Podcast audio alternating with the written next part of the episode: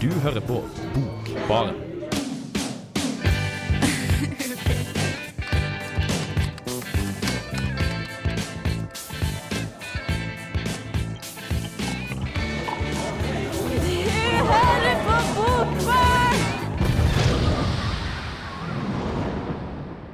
Du hører på Bokbaren på denne tirsdagen i høsten 2010, og vi skal ha om arbeiderdiktning. Men ikke skru av radioen din helt enda, fordi spennet mellom de to poetene vi skal snakke om i dag, er faktisk 50 år, men samtidig så er de samtidig. Altså, den ene gir ut en bok posthumt, som altså og den andre debuterte uh, i vår med ei bok som er så god at den sannsynligvis vil bli oversatt til mange språk og vinne mange priser. Jeg sitter her sammen med Eline. Hei, hei. Hei, hei. Og så skal Martin eh, komme og være sammen med oss litt eh, seinere i denne sendinga.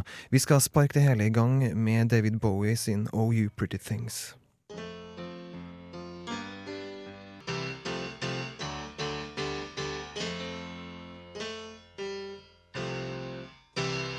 David Bowie David Bowie der, altså, med Oh You Pretty Things. En uh, ja, gammel arbeidersjanger, er jo ikke på noen som helst måte, men kommer fra England osv. Eh, som du hører på Bokbarn, og i dag så har vi eh, om arbeiderdiktning. Det vil si arbeiderdiktning på 2000-tallet, rett og slett. De to poetene som har utmerka seg på en måte de siste, siste ti årene, vil jeg påstå, som eh, på en måte arbeidsdiktere.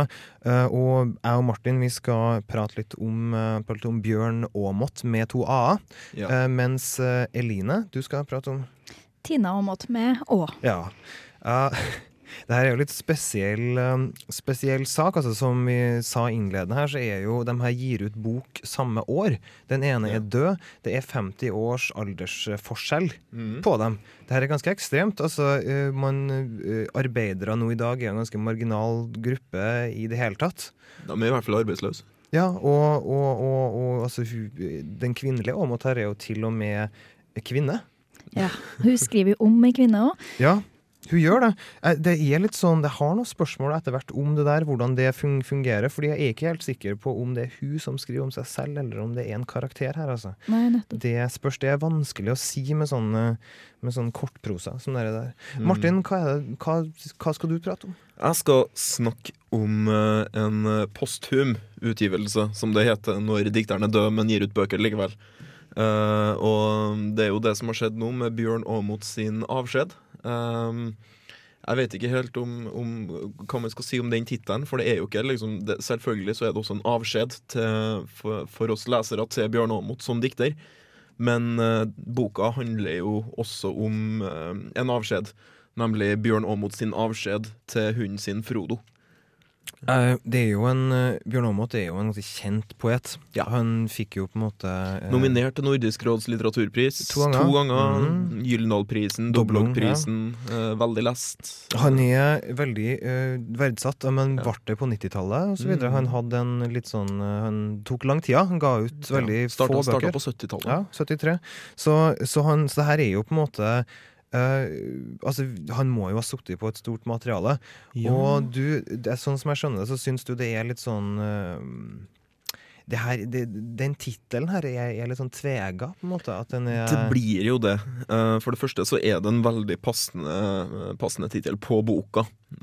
Fordi den eh, kan vel egentlig, eh, altså med, med klassisk begrepsapparat, beskrives som en, beskrives som en elegi. Altså, altså en minnetale, en hyllest eh, til, til da Frodo, hunden hans, som, som døde av hjernesvulst.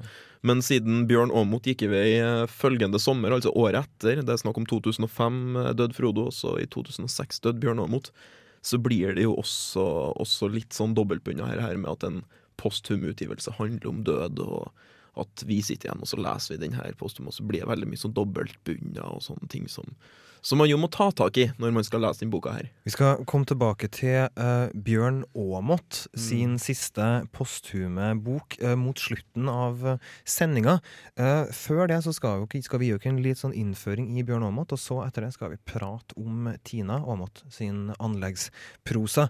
Men før alt det her skjer, skal vi høre Aksel Krüger med La Fiera.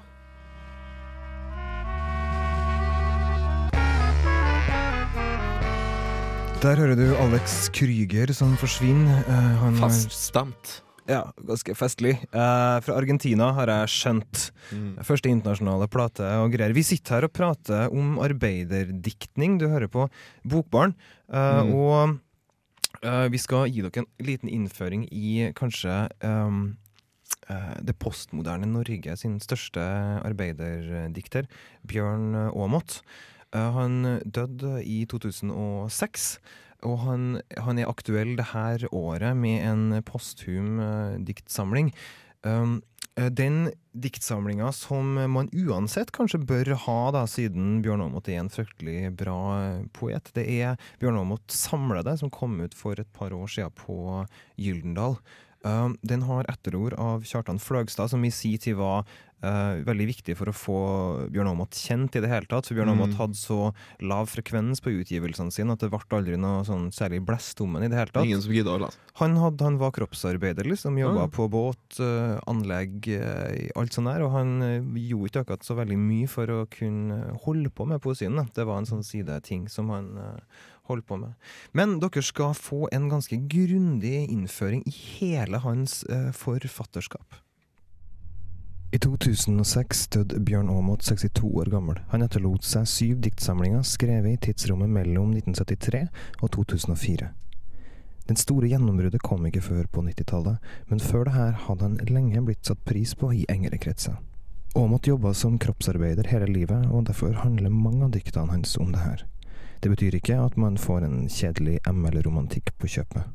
Det er mer enn nok politikk i Aamods diktning. Men denne politikken er på et annet nivå, på et mer eksistensielt og ikke økonomisk nivå. Han snakker om arbeid på samme måte som de gamle kinesiske poetene gjorde, eller som Walt Whitman, men med en egen humor som gjør alvoret og relevansen føyelig og frisk. En av de beste eksemplene er fra debutsamlinga Tilegnet. Diktet heter Nattskyer. Nattskyer. En boks kjøttkaker og en halv pils på bordet. Jo, ganske riktig. Dette er politikk, sammen med den halvrøkte sneipen. Det er politikk som lyser ut av den lille stuen i fjellheimen. Der nattskyer jages over himmelhvelvingen, tett fulgt av en suit av bach. Mellom to noter er det også musikk. Selvfølgelig alt man skriver politisk, og kanskje også alt man gjør og sier generelt politisk. Om at spenne fra denne typen stille meditasjoner til klare utrop, som i to korte politiske dikt. 1. Willoch er en glassvegg, og politikken springer ut av det nødvendige. Ham skal ta på ordet når han står med munnspill på hjørnet og ber om røyk. 2. Og jeg tenker også på alt det vidunderlige forarbeidet som skal til for å skaffe arbeid, av for eksempel sølv, sette barn til verden og plukke kastanjer. Det er ikke det eneste hvileskjær i denne første samlinga. Den er gjennomført bra, og det skulle ta syv år før den neste, Knuter, Malm og andre dikt, kom i 1980. Den er prega av ytterligere filosofisk og språklig fokus, men likevel er, som tittelen tilsier, arbeid aldri langt unna. Fredagsnatt.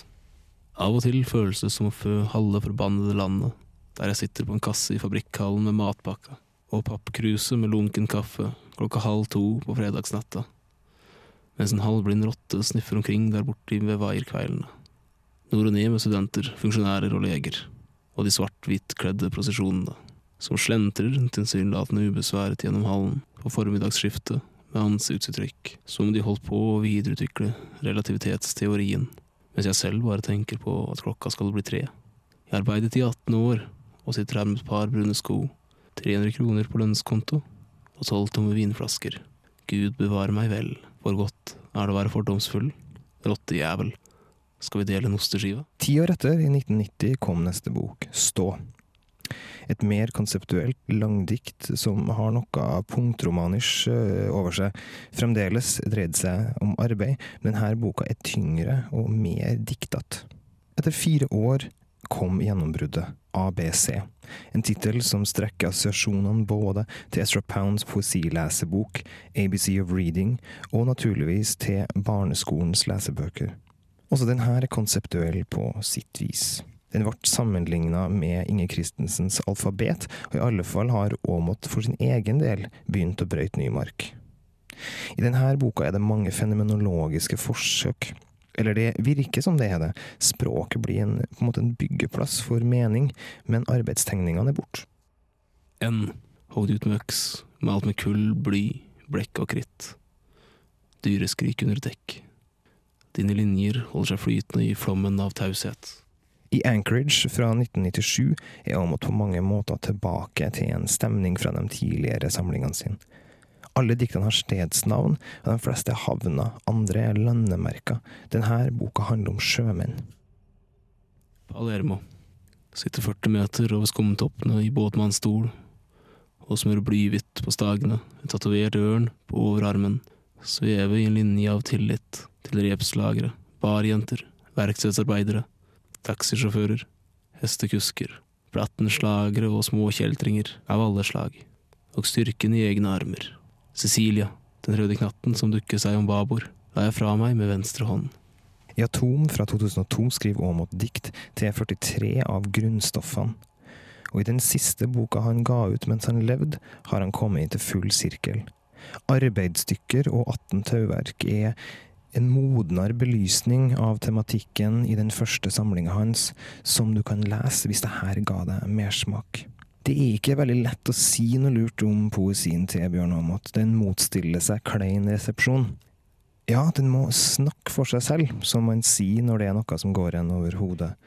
Han er ikke helt grei å bli klok på, men bra. Det er det. Good morning, Viet. Trondheim. Du er i Trondheim og hører på Radio Revolt. Så det må være noe med årstida. Der fikk du trønderbandet Konurbia. Det må være noe med årstida. Det Hver som årstida. Men det, gutta, det, er, det kommer hvert eneste år. Det er ikke liksom det er ikke noe nytt. Uh, herregud. Eh, vi skal oh, ja. Vi snakker om Bjørn Aamodt. Vi snakker om Bjørn Aamodt. ja. Før, før Konurbia så fikk du, uh, fikk du uh, en sak jeg har laga om forfatterskapet til Bjørn Aamodt. Og da Bjørn Aamodt uh, døde eh, i 2006, så kunne ikke Bendik Wold eh, la være å stikke nesa si eh, i det her. Eh, og han, og han eh, sier da i en, eh, i en eh, ja. Sier da i en, eh, i en artikkel i Morgenbladet Ja. da. Ja, ok. Konurbi. Eh, at eh, det moderne kunstverket er et mål uten annet formål enn seg selv. Under et sånt regime vil arbeiderdiktning bestandig være en pariakaste, ettersom det nekter å la funksjonen underordnes formen. Men. Elina, det her er, hva, hva, hva, hva svarer man til sånt? Ja, hva svarer man til sånt? Eh, Jeg syns ikke det stemmer i forhold til Tina Aamodt, da. Fordi det er som noe av det første du legger merke til hos henne, er jo formen. Ja, det her er jo altså kortprosa. Ja. Si, det her er jo på en måte, og det er jo sånn byggesteinete eh, lagt, lagt opp også. Ja, veldig passende i forhold til at det handler om eh, bygging. Mm. Mm. Og har jo, altså det her er jo, altså Tina Aamodt er jo et godt eksempel på kombinasjonen av form og på en måte altså Det Bendik Wold kaller um, kaller eh, funksjon. Altså, jeg tror, det, jeg tror det han mener er jo på en måte eh, agenda. Eller Ja. på en måte å få frem Budskap. annet. Ja. Eh, og jeg tror jo han, han forveksler litt. For altså, jeg får jo ikke noe sånn eh, Du kan si at altså, Ser du noe prosjekt hos Tina Tina Aamodt? Er det noe, på en måte, noe form for Altså, det er jo ikke noe Hun, hun står jo ikke på barrikadene og roper etter deg. Det, det er jo mer sånn at du, hun inviterer deg inn i, Mm. inn i hennes verden, da. Og i, i bruk av form så passer det så veldig godt, syns jeg. Fordi at eh, du tenker veldig fort at det blir masse kompakt om anleggsarbeid. Mm. Og hvis det da blir delt opp litt, så er det mye lettere å ta inn over seg. Ja, altså, synes, synes du her altså, kortprosa er en naturlig form liksom, til, til denne typen, uh, typen bok? Ja, jeg syns det passer veldig bra, for hun, hun tar for seg mange småting. Og så Mm. har du liksom Hver småting har sin egen lille prosatekst. da. Mm. Jeg må jo spørre, altså, er du eh, Ble du like sjarmert som meg av disse karakterene? Ja, De er jo eh, som tatt ut ifra virkeligheten, virker det som. Mm. Det er veldig søte. Ja, men hun er jo omringa av menn her. Altså, det er måte, hun er jo den eneste dama her. Og de snakker jo om på en måte kjerringene sine, og de holder jo på, ikke sant. Og hun, øh, og hun er jo på en måte en av gutta, da. Ja. Eh, men så er det jo ett punkt her i den boka hvor, eh, hvor hun på en måte blir dratt litt ut av det der, da. Eh, og det er jo når de har gjemt den herre eh, strømskapet nedi nedi røys nedenfor huset. Ja. Så må hun eh, fære og hente. Ikke sant? Og det er jo, Mm. og det er jo for at hun har et veldig godt sånn samarbeid og, og, og prat med han Jeg går ut fra at hun er lærling, da. Eh, og at hun har en sånn læremester, på en måte. Ja. Og han har jo ikke noe problem med at hun er jente. Men noen har tydeligvis da et sted i det her eh, systemet. Kan man si at eh, det, det ligger noen politiske føringer i det i det hele tatt? Altså, som du sier, Hun står ikke på barrikadene, men blir eh, altså, du kan, Det politiske er jo en sånn tradisjonell betingelse for arbeiderlitteratur. Uh, og man kan jo si at det etter hvert blitt litt sånn unødvendig, men ligger det der fortsatt? Uh, indirekte, kanskje? Det er jo, vi får jo inntrykk av at uh, det er ikke alltid like greit å være anleggsarbeider. da. Nei. Og de, hun forklarer jo veldig godt det her med at man blir sliten, og det er hardt jobb. Og, og det er en sånn tristhet som henger over det. ja. Det Mm. er det. Så det er litt sånn arbeiderens kår er ikke, er ikke Det er ikke bare bare. Det, det, det ligger noen føringer et eller annet sted inni her. Ja, det vil jeg si. Ja. Det er artigere å være aksjemegler. Jeg vil jo si, da, altså, si at det er godt gjort da, å skrive ei bok uh, som er så eh, du- Hvor det er så mye potensial for, uh, for å som du sier, stå, på, stå på barrikadene, liksom, og ikke, så ikke gjør det. Det her, det, her, det, her, det her flyr jo rett i trynet på Bendik Wold. Uh, måte. barrikaden og peke på den. ja, ikke?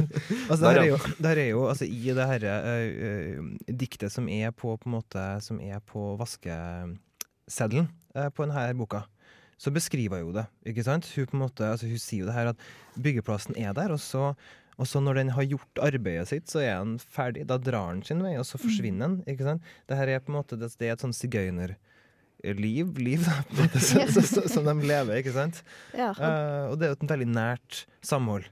mm, det er det. Og det er jo sånne hemmeligheter som bare de vet om, da, som vi som bare ser resultatet, ikke får uh, bli med inn i. Mm.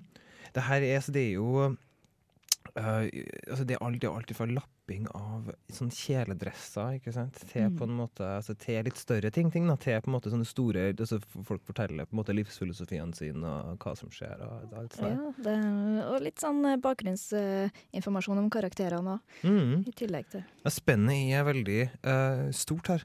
Eh, vi eh, skal komme oss litt eh, videre. Vi skal komme tilbake til denne boka straks, men først så skal vi høre Einstürzende Neubauten med Wo sind meine Schuhe?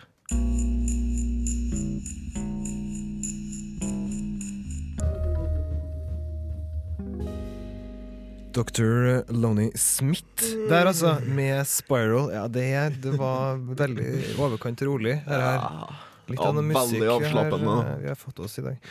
Men ja, altså, eh, Eline. Tina Aamodt, anleggsprosa. Mm. Det her er jo altså, si, For dem som sitter hjemme da, og som kanskje ikke skjønner hvorfor anlegg er spennende, forklar litt. Anlegg kan være veldig spennende. Uh, jeg skjønner jo at folk kanskje blir litt skremt i begynnelsen, da, når de bare hører at vi snakker om anlegg. Men uh, det er jo måten det er behandla på. Det, hun er veldig flink til å skrive veldig lyrisk om det og beskrive ja, eh, forskaling på veldig sånn original og veldig eh, må, fin måte, da. Jeg sier det til og lytterne våre som er litt eh, rusten på det, så er forskaling eh, er, er da på en måte altså, betongsettinga av grunnmurer osv. på hus. videre. Så på forsida av denne eh, boka så er det en sånn eh, betong... eh, Blander. Blander. Jeg Sementblander. skulle, jeg skulle til å si dispenser. Det, det, det er litt stor til å være. Men uh, den er i hvert fall det eneste. da På forsiden henger på en måte ned fra, så står det da, Tina Aamodt Ja. anleggsprosa under. Mm. Um, men altså vi var jo inne på det her i stad, men, men gjør, merker du at, det er, at hun er jente? Liksom, på et tidspunkt du merker det på? Eller er det Vet du, det, I begynnelsen så tenker du ikke noe over det i det hele tatt. Fordi eh, da eh, fokuseres det på uh, ting som er utenfor oss sjøl. Men eh, etter hvert så kommer de jo frem, og det er jo en liten overraskelse. Men, eh, Ser du det i på en måte måten hun omgås, måten hun kommenterer ting, eller er det, syns du det er ganske nøytralt? deg? du ser det jo på noen eh, steder. For eksempel så var det vel eh, i en samtale med medarbeiderne hennes at hun sa at eh, hun baker bare kake hvis hun tror at det kan føre til at noen blir forelska Ja. Ja. Ja, og det blir veldig sånn, men jeg tror det er det mest eh, Eh, det som fremhever mest, at hun er dame, da, Mhm. når hun sier sånne ting. Eh, måten hun arbeider på og måten hun ser ting på, det kunne like godt ha vært en mann. Jeg tror I den situasjonen der så er det vel med noen nye folk også? Er det ikke? Da kommer liksom en Ja, det var noen lærlinger inni der, òg. Mm. Eh, de er jo, virker jo litt mer sånn tilbakeholdne. Jeg vet ikke Mhm. helt hva de skal si. Jeg tror jo det er altså, som jeg sa før, Hun er jo både jente og, på en måte, og arbeider. Da. Det er jo to Ja. veldig på en måte, sånne marginaliserte grupper i dag. Men jeg, jeg tror ikke hun Men altså, hun, hun Ja, som du sier, hun, hun gjør jo ikke noe nummer uh, ut av det. Det her, det her står jo ikke på barrikadene på noen måte. Nei. Jeg synes det her, Nå har vi snakka så mye om det her, og dere skal få høre hvor vakkert det virkelig kan være. Litt mer inngående uh, hvordan det her uh, har seg. Byggeplassen brer seg ut. Ei stor flate av knust stein, ramma inn av gjerde og grøfter fylte av rør. Den har tydelige grenser. Den er ulik alt annet. Byggeplassen er alltid i endring, blir herda og grunna, blir dekt til. Når gjerda en varm kveld blir tatt ned, er alle spor av den borte. I staden står det sju hus, eller et sjukeheim, eller næringsparken med fasade av stål og glass. Det er her som noen hele tida visste at byggeplassen skulle bli. Kontraktene gir ikke rom for avvik. Målet skal styre alt, og alt som omslutter målet er lista opp og nøye beregna. Skrevet inn et sikkert system. Kostnader og prosedyre. Tid og maskiner. Arbeidsrutiner. Mennesket som bygg for menneske. Med sin debut 'Anleggsprosa' overbeviser Tina Aamodt leserne om at forskalingsarbeid, fjellsprenging og betong kan være hovedingrediensene i en prosasamling, og gjennom Aamodts penn fremstå som noe vakkert og til tider til og med noe skjørt. Kontrasten mellom det som tekstene handler om, byggeplassen, alle maskinene og det tunge anleggsarbeidet, og den lyriske måten forfatteren skriver om det her, gjør at vi som utenforstående får se anleggsarbeidet i et helt nytt lys, og gir oss innblikk i små detaljer og observasjoner som vanligvis er forbeholdt anleggsarbeiderne. Den kvinnelige hovedpersonen ser gjennom sitt daglige arbeid hvordan hus utformer seg, ser husene sånn som menneskene som skal bo i dem sjøl aldri vil se dem. For det er også mennesker boka handler om, både de utenforstående som venter på hus som ennå ikke er bygd, og samværet anleggsarbeiderne imellom. Vi veit hvordan settingen av betong blir påvirka av indre kjemiske reaksjoner, av ytre faktorer. Regn, sol, snø, frost. Om hvorvidt den blir et kraftverk, en molo eller et hus. Av hvordan den blir framstilt, blir frakta og blir lossa. At den blir forma etter hvor lang tid vi bruker. Etter hvor nøye vi er med den. Hva vi tenker mens vi jobber med den. De små tekstene beskriver alt fra de ansattes kaffepauser og timelister til selve forskalingsarbeidet. Det at tekstene er oppdelt i små prosastykker, gjør innholdet i hver enkelt tekst mer konsist, mer nøyaktig, og gir oss en presis beskrivelse av akkurat det aspektet av byggeplassen som Aamodt vil vise oss. Oppdelinga gjør også boka mer håndterlig og innbydende, da en sammenhengende, tjukk tekst om anleggsarbeid nok kunne vært i det meste laget for mange, og skremt folk fra å ville lese den. Det er med en slags takknemlighet jeg sitter igjen etter å ha lest anleggsprosa, som om jeg har blitt invitert inn i en verden de fleste ikke kjenner til, og som om jeg har fått vite hemmeligheter som jeg egentlig ikke er i posisjon til å få vite noe om. Muligens har jeg også pådratt meg en liten forkjærlighet for armeringsjern. I ain't looking to compete with you. Bob Dylan eh, der, som forsvinner ut med All I Really Wanna Do. Eh, før det så fikk du Eline Bjerkan sin sak om Tina Aamodt sin anleggsprosa. Uh, som vi har stifta nærmere bekjentskap med. Veldig fin bok, tror jeg vi er enige om alle sammen. Men nå skal vi, uh, vi begynne å nærme oss slutten, og derfor skal vi snakke om uh, døde hunder. Døde hunder. Så trist som det kan være, rett og slett. Hvorfor skal vi prate om det? Jo, det er jo fordi Bjørn Aamodt sin, sin, eh, sin Det går ikke an å kalle det diktsamling. Eh, Sin bok, 'Avskjed', handler om den døde hunden hans, Frodo. Men Bjørn Aamodt er jo en poet. Hvorfor er ikke dette en diktsamling? eh, Det er ikke en diktsamling, for at da har det måttet ha vært flere dikt. Eh, Det her er ett dikt Ja, eh, som går over 70 sider. Mm. For det første som skjer, er at du får en setning, og så kommer det et komma. og så kommer det enda en leddsetning, kaller vi det her. Så kommer det enda et komma. Og så kommer det enda en leddsetning, så kommer det enda et komma. Og det her foregår over 70 sider, og det finnes ikke et eneste punktum i sikte. Og det er et sammenhengende narrativ fra fra, som, som, som starter på et slags udefinert sted med, med en beskrivelse av språk. Og så skal de ut på tur, og så får Frodo et anfall, og så skal de til dyrlegen. Frodo er da hunden. Frodo er hunden. Ja. Kan vi få høre et, eh, et lite utdrag? Vet du en ting? Jeg, jeg satt her og bladde litt, så jeg tenkte jeg kanskje skulle, skulle gå rett på nerver i saken, nemlig, nemlig dødsskildringa. Ja. For Frodo har fått eh, anfall, får vi vite, over, over, over lengre tid. Og så skal de til døds... eh, så skal de til dødslegen, skal de til dyrlegen. Uh, og så, og så, som heter D, med stor bokstav, som jo postmoderne Ja. korrekt nok eh, er. Så går det sånn. Det starter datamaskinen med resultatet av MR-undersøkelsen han, han nettopp har vært igjennom. Hjernen røntgenfotografert på kryss og tvers, ordnet i tredimensjonale sekvenser. I cerebellum dukker det opp et blekt punkt, utvider seg for hvert tastetrykk innenfor konturen av skallen. På sitt største fyller den en tredjedel av tverrsnittet mellom hjernebarkens grå folder, har en hvit, nesten full måne overtatt styringen, og legger omgivelsene øde. Denne svulsten er det ingenting å gjøre med, sier det. Han kan få en kortisonkur for å lette trykket noen dager, så dere kan ta ham med hjem for å ta farvel eller en siste sprøyte nå, mens bedøvelsen fortsatt virker. Ute på gårdsplassen duskregner det, igjen R og jeg røyker, vi må ta en avgjørelse, orker ikke mer, sier jeg, imens er han flyttet over til et litt mindre rom, ligger fortsatt på samme side, øynene halvåpne, barberes på den ene bakleggen, halve innholdet i kanylen presses inn i blodåra, en kort pause før den tømmes. Det går et lett trykk gjennom kroppen, etterfulgt av et kraftig snøft, enda et av bakbeina strekker seg tett sammen, som i et voldsomt sprang. Den siste synlige bevegelsen, vi tre rundt ham på gulvet vekselvis hulker og stryker ham over nakken og rygg, for så å stramme oss opp og hviske beroligende ord og setninger i øret hans. Gamle venn, du er flink gutt du, Frodo, pappas lille basse, alle små vover må sove nå. Lyd skal være det siste som oppfattes. Ved synger Sov min lille pode, reven sover også nå med halen under hodet. Hvor lenge vi satt slik har jeg ingen formening om, kanskje en halvtime. En pleier kikket inn og lukket døra forsiktig etter seg.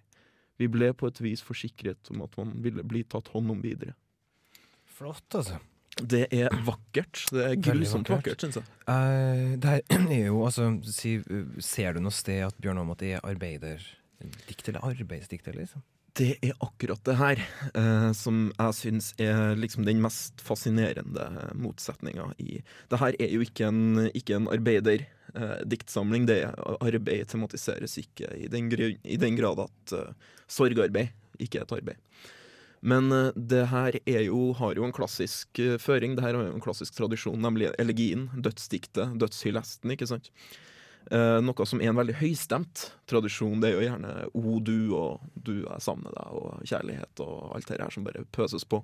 Og det som da ligger i Bjørn Aamodt sin tekst, som han har tatt med seg fra arbeiderdiktninga si, er jo den litt andre fremgangsmåten. Det nøkterne og det eh, og, og, og det her med, å, med, med ureddhet for å bryte litt, eh, bryte litt med, med sjanger. Nei, altså rett og slett, det er en, det er nøkternhet som preger teksten, vil jeg si. Eh, Men det her er jo postumt gitt ut. Altså det her er Ja. redigert av en redaktør da, som har hatt et forhold til Bjørn Aamodt. Mm -hmm. uh, som har fått papirene, som har på en Mhm. måte jobba med det. Eh, Er produktet altså, er, er det gjennomført godt?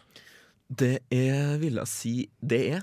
Det er Tegnsettinga ser at de har knota litt med å få her til å gå opp på en fin måte, men det er, det er blitt løst på en veldig ålreit måte. Um, de har uh, trykt også, sånn som jeg holder opp til dere nå, så var den her egentlig skrevet arbeids, Arbeidsutgaven var i en veldig annen font Mm. enn noe som lar seg trykke. Uh, og med det også selvfølgelig tegnsetting og en del sånne ting hadde litt sånn andre måter. Så man barna med en del med det. Uh, hvordan de har jobba med sjøle teksten og med ord og sånn, det er jeg ikke helt sikker på, men jeg liker det i hvert fall veldig godt. Så det her er en anbefaling, altså. Ja, det kommer en mer fu fullstendig anmeldelse på nettsidene, uh, og den vil være uforbeholdent positiv. Det høres veldig bra ut. Det er, altså, boka uh, heter 'Avskjed'. Avskjed. Uh, det er Bjørn Aamodt som har eh, da, Mhm. skrevet inn. Det er gitt ut postumt, og den handler om bikkja hans. Ja. Som er død. Uh, nå skal vi snart forlate dere, men først så skal dere i alle fall få høre John Lennon med 'Working Class Hero'.